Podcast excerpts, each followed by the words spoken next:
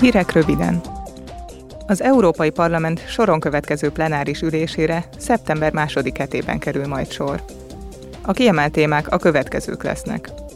Az európai védelmi ipar megerősítése, a felszíni és felszín alatti vizek szennyezése, valamint a kézműves és ipari termékek földrajzi árujelzőinek oltalma.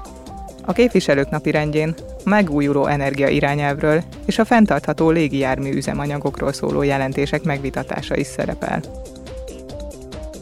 Itt a nyári szünet. Sokan veszik az irányt különböző úti célok felé.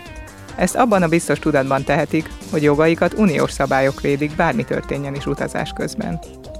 Az Európai Unió minimum szabályokat határozott meg az utasok védelmében, hogy váratlan késések, járattörtések vagy podgyászuk elvesztése esetén biztosítsa számukra a megfelelő segítséget. Az európai parlamenti képviselők támogatásával életbe léptetett uniós szabályok értelmében a közlekedési vállalatoknak gondoskodniuk kell élelemről, szállásról, illetve a költségek megtérítéséről vagy kártalanításról, ha beütne a baj.